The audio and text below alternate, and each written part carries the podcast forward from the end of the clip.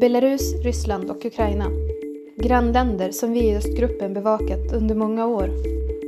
Vad händer där? Hur ser situationen ut vad gäller de mänskliga rättigheterna? Och varför är dessa länder aktuella för oss i Sverige? I Östpodden samtalar Östgruppens Tobias Ljungvall med svenska experter och gäster från öst. Och denna vecka har vi med oss på videolänk Karin Karlsbro. Välkommen Karin! Tack så mycket! Som många lyssnare säkert vet så är Karin ledamot i Europaparlamentet sedan två år tillbaka. Hon har ett långt förflutet, flera årtionden, i eh, Liberalerna, tidigare Folkpartiet. När gick du med Karin? Var det i slutet av 80-talet, början av 90-talet? Men jag var ju aktiv i Liberala ungdomsförbundet och jag kan säga att jag började engagera mig under den period då Europa blev friare. Väldigt mycket så var det utvecklingen i våra grannländer på andra sidan Östersjön som drog in mig i politiken i slutet på 80-talet, så länge sedan är Och det engagemanget fortsätter idag? Ja, men det gör det. Och på något sätt så känns det som att historien har kommit ikapp väldigt mycket. De kampanjer som var en av de, de första aktiviteterna som jag jobbade med när jag gick med i Liberala ungdomsförbundet, eller Folkpartiets ungdomsförbund som det hette då, för frihet i, i Baltikum, för mänskliga rättigheter i Östeuropa. Nu är vi tillbaka och pratar om samma saker. Eller jag vet inte om man ska säga tillbaka, snarare att vi måste fortsätta att jobba för de sakerna och tillsammans med de länderna. Jag såg en bild på din Facebook-sida av dig och någon annan. Det syntes inte vilka ni var. För ni stod invid en enorm vit, röd, vit flagga som hängde från någon balkong någonstans i Bryssel gissar jag. Ja, men precis. Det var på Belarus frihetsdag nu som vi gjorde olika aktiviteter. Sen är det ju, det är ju väldigt begränsat vad man kan göra för typ av eh, kampanjer och man kan inte samlas många på grund av covid-restriktioner. Men vi hade, eller en kollega hade i parlamentet lyckats hitta en gigantisk belarusisk rödvit flagga. Det var den största flagga jag har sett någon gång och den hängde vi ut från en eh, en balkong kan man säga som är i, inom i, i Europaparlamentet där det är väldigt högt i tak och rullade ut den och, och tog eh, väldigt fina bilder tycker jag eh, på den och eh, skapade uppmärksamhet kring eh, Belarusfrågan i Europaparlamentet den dagen. Mer nyligen bara häromdagen eller förra veckan kanske så eh, såg jag att du krävde att eh, Belarus statstelevision ska uteslutas ur EBU, European Broadcasting Union, de som brukar arrangera eh, Eurovision Ja, men exakt. Det är, här är ju en ganska lång historia. Om, jag ska, om man ska inte dra den långa versionen, men en, en resumé om vad som har hänt, så har ju det belarusiska, eh, den belarusiska statstelevisionen, ska man säga, har ju en alldeles speciell roll i Belarus. Och man kan ju beskriva att det är regimens eh, megafon eller egna propagandamaskineri. Och dess ehm, eh, chef står faktiskt på EUs sanktionslista. Och det gör man inte om, man inte om det inte är verifierat att man faktiskt gjort sig skyldig till brott mot mänskliga fri och rättigheter. Om vi vet att det här bolagets ledning har sparkat journalister, flera av dem har varit frihetsberövade. Och vi kan eh, så sent som nu förra veckan såg vi hur den här statstelevisionen sänder helt fruktansvärda klipp på människor som tvingas göra erkännanden om att de aldrig mer ska protestera och ja, beter sig helt vedervärdigt och chefen står som sagt på EUs sanktionslista. Och om jag får berätta lite grann hur jag tycker att man kan använda eh, jag menar, om, man, om man har sanktioner så, så det är ju ett, politiskt beslut som Eh, vi i Europaparlamentet, från vår sida har vi jobbat hårt för att medlemsländerna ska få de här sanktionerna och skärpta utvidgade sanktioner på plats där även Lukasjenko själv finns med, men också som sagt chefen för statstelevisionen. Men om de väl är på plats så blir de ju inte relevanta förrän de faktiskt används i skarpa lägen. Och då har ju det varit en följetong att se hur, hur ska detta nu gå när man inom ramen för det europeiska radio och tv-samarbetet ska arrangera Eurovision. ska Belarus tillåtas, ska det här stats, den här statstelevisionen då som representerar landet få delta fullt ut? Ehm, jag tycker att det är ganska eller väldigt stötande att i så fall så skulle det innebära att dess chef då skulle i princip kunna sitta i Eurovisions green room fast den borde ju sitta i fängelse istället. Vi har satt igång kampanjer i Europaparlamentet, eh, skrivit brev, samlat namnunderskrifter för att få det europeiska radio och tv-unionen och, och, och, helt enkelt sparka ut Belarus på grund av kopplingarna till de brotten mot mänskliga fri och rättigheter. Det har inte hänt. Man har svarat att nej, vi för en dialog och så vidare. och så vidare. Vi har fortsatt och fortsatt och försökt att kampanja för den här frågan.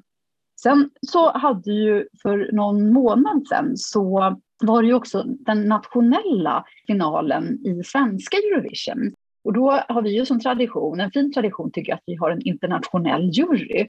Och plötsligt en eftermiddag så blev jag medveten om att SVT in den belarusiska statstelevisionen för att sitta med i den svenska internationella juryn. Och det var ju väldigt, väldigt stötande. Nu, nu försvann du lite grann här, men hade, SVT hade bjudit in Belarus att sitta i den svenska juryn. Precis. Och om man tänker då att chefen för det här bolaget står på EUs sanktionslista så är ju det helt orimligt. Och jag och flera andra protesterade högljutt mot det och, och orimligheten att äh, agera som om sanktionslistan inte skulle knappt finnas på det sättet. Och efter några timmar från det här beskedet offentliggjordes så backade faktiskt SVT och medgav att det var ett, det var ett misstag. Och det tycker jag var, det var väldigt bra, för det visar att den här sanktionslistan inte bara är en pappersprodukt utan en, ett rättesnöre kan man säga för hur man ska förhålla sig till den här typen av organisationer och, och, personer som företräder den här typen av organisationer och som i det här fallet också står på listan själv. Då. Nu har det också då varit en fortsättning. Ska Belarus få delta i den, den slutliga finalen i eh, Eurovision eller inte? Hur går det med det? det har varit väldigt mycket diskussioner om då det bidrag och den låt som skulle få delta var acceptabelt eller inte.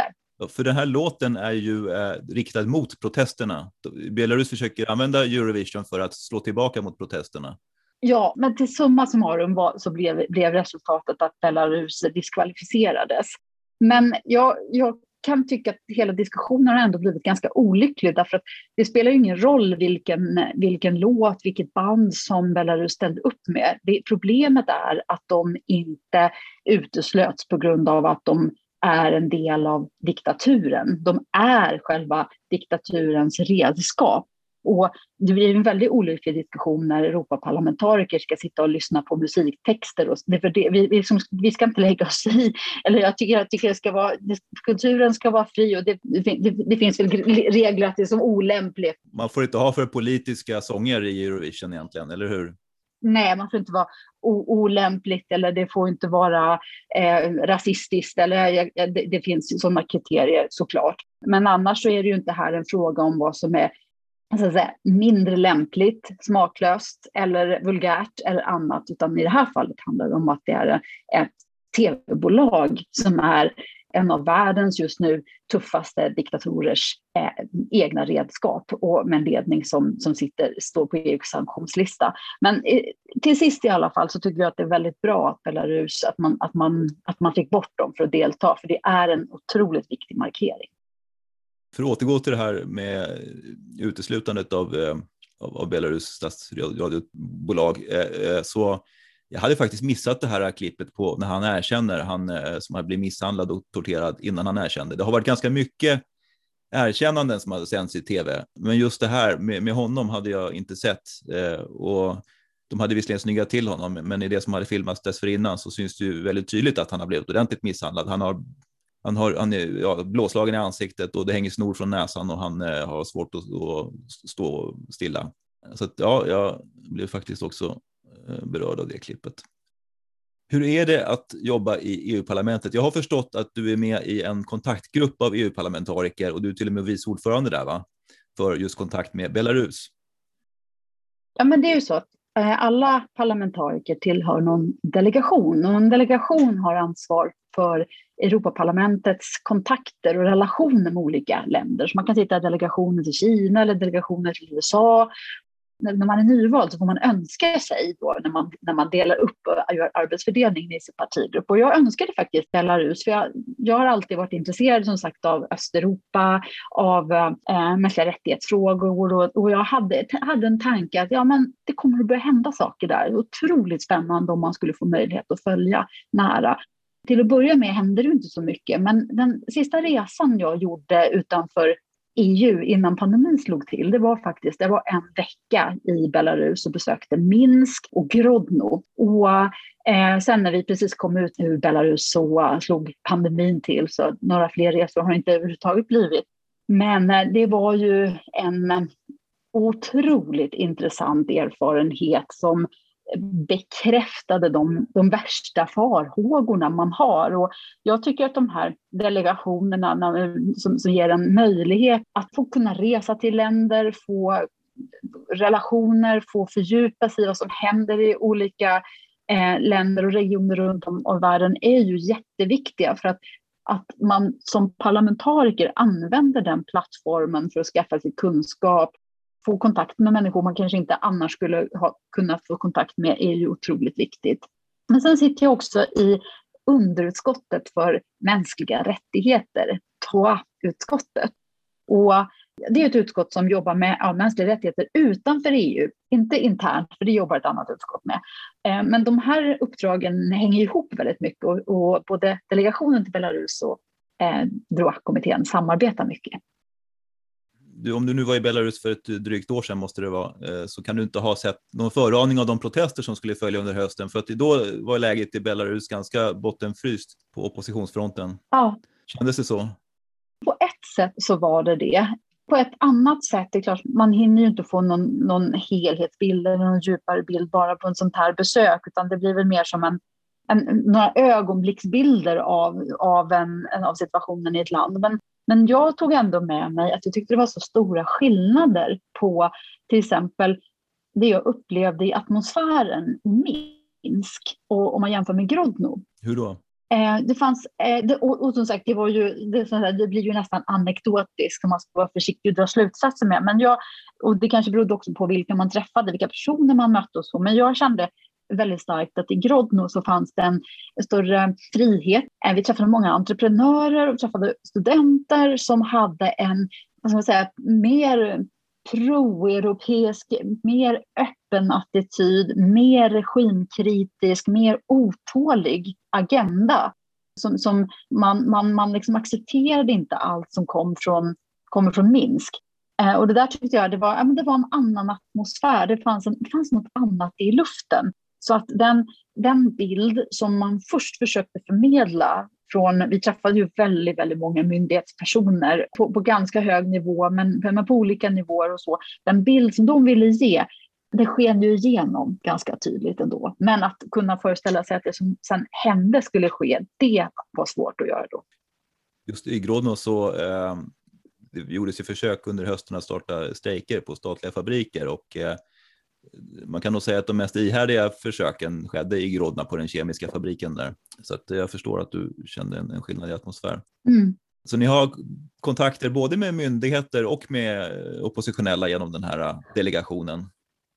Jag ska inte säga att vi har kontakter, men vi fick möjlighet att besöka och prata med. Men, men sen så EU, EU erkänner ju inte det så kallade så att säga, parlamentet, för det är ju, det är ju val som inte har, har godkänts internationellt och så, så att några sådana officiella relationer och kontakter finns inte. Men, men vi träffade, vi pratade kärnkraftssäkerhet med energimyndigheter och så vidare och så vidare. Och det var ju väldigt intressant. Och om man var rädd för att man hade en för mörk bild av situationen i Belarus så fick i alla fall jag bekräftat att nej, vi hade inte en för mörk, vi var inte för orolig. För den bilden som, som bekräftades var, tycker jag, det var värre än vad jag hade föreställt mig. Det var, var väldigt, väldigt dystert och tycker jag, i, från, från så att säga, det, det officiella, det samlade officiella bilden som gavs var ju ja, bilden av en, en, en stenhård diktatur svagheten i, i en sån regim är ju just att man försöker visa upp en vacker fasad.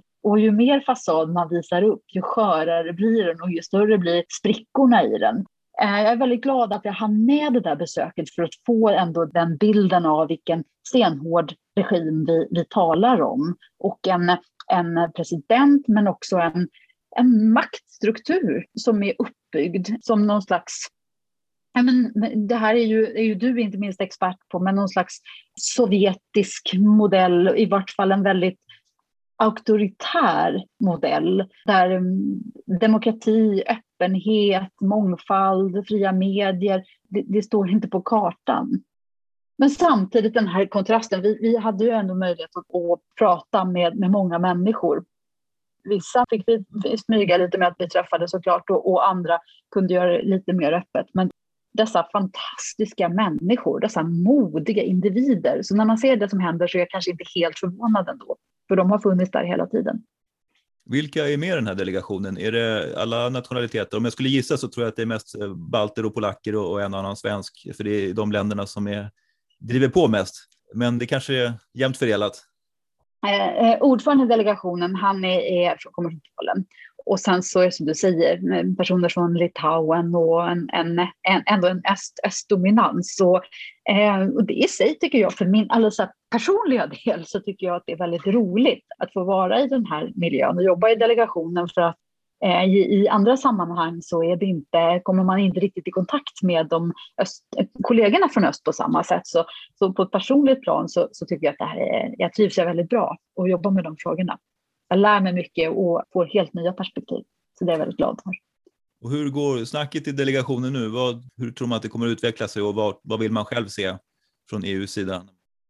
Det här ska man ju komma ihåg att det här är ju personer från olika partigrupper så vi har ju olika syn på saker och ting. Eh, verkligen, men jag är väldigt glad att jag sitter där tillsammans med en litauisk kollega Petras Austrevich som, som jag samarbetar väldigt mycket med, som, som sitter också i Renew-gruppen, liberal från Litauen. Och vi tillsammans brukar vi göra både aktiviteter och skriva och agera. Och vi brukar prata om tre saker. Vi, vi pratar om att det behövs sanktioner, det behövs stöd till civilsamhälle, till fria medier, till att inte minst hjälpa till och se till att det finns någon slags infrastruktur för att samla eh, vittnesmål för att rättvisa ska kunna skipas i framtiden när man ska återstarta ett nytt demokratiskt Belarus. Men också behövs det solidaritet. Och det är klart att sanktioner, det finns på plats. Jag skulle gärna ha sett att de hade varit tuffare, att de hade kommit tidigare, att de hade varit ändå mer långtgående tycker det är dags att ompröva dem. Man har de här Magnitsky-lagarna nu, lagen på plats. Ja, EU införde en sån nyligen, ganska nyligen. Ja, och, och de kan man ju använda. Och som sagt, när, vi, när det kommer till eh, exemplet med eh, chefen för tv-bolaget så, så är ju det ett exempel man konkret kan använda dem och att det får skillnad i sådana situationer med lite kreativitet. Olika typer av support tycker jag är viktigt. Men sen solidaritet, det är ju någonting som vi kan visa genom vårt engagemang och det, det är lätt att glömma bort. Men om man ser och försöker liksom zooma ut lite grann och tänker på vad, vad kommer att hända? Och det gäller inte bara Belarus, Ukraina eller egentligen eh, de, alla de länder som, som brottas med vilket vägval man ska göra nu. Hela utvecklingen sker ju i skuggan av Ryssland och det som sker i Ryssland. Och jag är övertygad om att det spelar roll att vi från EU ser, engagerar oss, talar om att vi accepterar inte förtryck, vi accepterar inte att Kreml dikterar villkoren. Vi accepterar inte hot mot de här ländernas eh, integritet och eh, suveränitet, både när det gäller territoriellt och, och politiskt. Så att den här solidariteten som kan tar sig uttryck på väldigt olika sätt. Det kan vara kultur eller det kan vara att vi, ja, som vi gör nu, att vi, vi, vi försöker få uppmärksamhet och sprida kunskap om det som sker. Jag tror att den rollen ska man inte underskatta och, och, det är ju ingenting som kostar utan det är bara någonting jag tycker känns alldeles självklart att göra för alla oss som faktiskt brinner för att hela Europa, inte bara EU. Och den här e solidariteten kan ju ta sig symboliska uttryck som när ni hängde upp den här jätteflaggan i, i Bryssel. Eller som när du själv kanske i, i höstas träffade du eh, i Stockholm, dels eh, Svetlana Tsikhanovskaja när hon var på besök i Stockholm och senare också Ales Biljadski, eh, Belarus kanske främste människorättsförsvarare. Han tog emot Right Livelihood Award. När det gäller sanktioner så har det ju varit tal om att även ha lite mera ekonomiska sanktioner och de mest långtgående spekulationerna kring det här går ut på att man skulle stänga av Belarus från Swift-systemet, vilket kan ställa till en fruktansvärd oreda. Är det någonting som diskuteras på allvar i parlamentsdelegationen för Belarus? Eh, men, alltså den här frågan diskuteras, men det är ju som du säger att det kan ju också drabba fel människor. Det gäller ju att hitta en balans, att man inte att man vill klippa av de system som göder de som är mest ansvariga för diktaturen. Samtidigt så vill man inte stänga av systemet så att det är för människor som också, inte bara på grund av den politiska situationen i landet utan också på grund av pandemin brottas med, med stora problem. Så att det förslaget har ju inte ställts på sin spets. Men, men den diskussionen kring, kring liksom hela verktygslådan förekommer ju ja. hela tiden. Du är också med i en eh, kontakt, en delegation för Ukraina. Mm. Där är ni kanske inte lika aktiva? Där är också, den delegationen är också, också aktiv, men, men jag är som sagt vice ordförande i den här Belarus-delegationen så att, eh, det, det har lagt min allra mesta tid där även om det är stora skillnader på vad som händer i de olika länderna så är det ju naturligt att engagera sig för regionen. Och, och zoomar man ut lite mer så handlar det också om att jag tycker det är viktigt att vi, vi engagerar oss för det östra partnerskapet och, och där ser ju relationerna olika ut med de olika medlems, eh, de som deltar i det samarbetet. Och det är väl också, tycker jag, en, en viktig fråga när man eh, pratar om öst i EU och i Europaparlamentet att det är viktigt att man gör det med, med, med, kunskap utifrån att det här är olika länder med olika förutsättningar, olika intressen, olika behov och så. Det går inte, och man ska inte bunta ihop öst. Och när, det, när det gäller Ukraina så är ju det också, det finns ju en annat det finns ett annat folkligt engagemang historiskt sett för närmanden till EU. Och det är ett land som behöver göra många egna demokratiska reformer, men eh, samtidigt är ju eh, hotat och, och vi, vi, ser ju inte minst just nu hur, hur eh, osäkerheten i landet och hoten eh, från Ryssland är, är konkreta och påtagliga. Så att jag tycker att rent säkerhetspolitiskt och, och som sagt återigen, det handlar om någonting så enkelt egentligen som att Europa är större än EU och att vi måste även ha en ett förhållningssätt som väver in de grannländer i öst som inte är medlemmar i EU, men som är våra grannar, grannar handelspartners, självklara grannar i vilket fall som helst. Det här med ja, det du talar om och östra partnerskapet som från början var ett svenskt-polskt initiativ om jag har förstått det rätt. Ja. Det är ju ingenting som, som uppskattas av eh, Ryssland. Nej, precis. Hur förhåller ni er till Ryssland i parlamentet? Allt vi gör när det gäller östfrågor sker ju i skuggan av utvecklingen i Ryssland och den dramatiska utvecklingen just nu när vi spelar in den här podden till exempel så, så vet vi inte exakt hur det är med eh, Navalny som eh, nu är fängslad och, och hans hälsotillstånd är ju oklart. Och jag tycker att det är väldigt viktigt att EU lyfter Rysslands frågor mer, men det är också viktigt att det görs på, på rätt sätt. Och det var bara att beklaga det som hände tidigare i början av året när den höga representanten, som det heter, EUs höga utrikesrepresentant, Josef Borrell, eh, han for till Moskva. Han eh, åkte dit oförberedd, får man säga. Visserligen hade han inte åkt dit om han inte hade haft välsignelse från de stora medlemsländerna, från, från Berlin och från Paris såklart. Men han for dit. Han blev totalt förödmjukad. Samtidigt som han satt i Kreml på pressträff så blev flera EU-diplomater, bland annat en svensk, blev utvisad.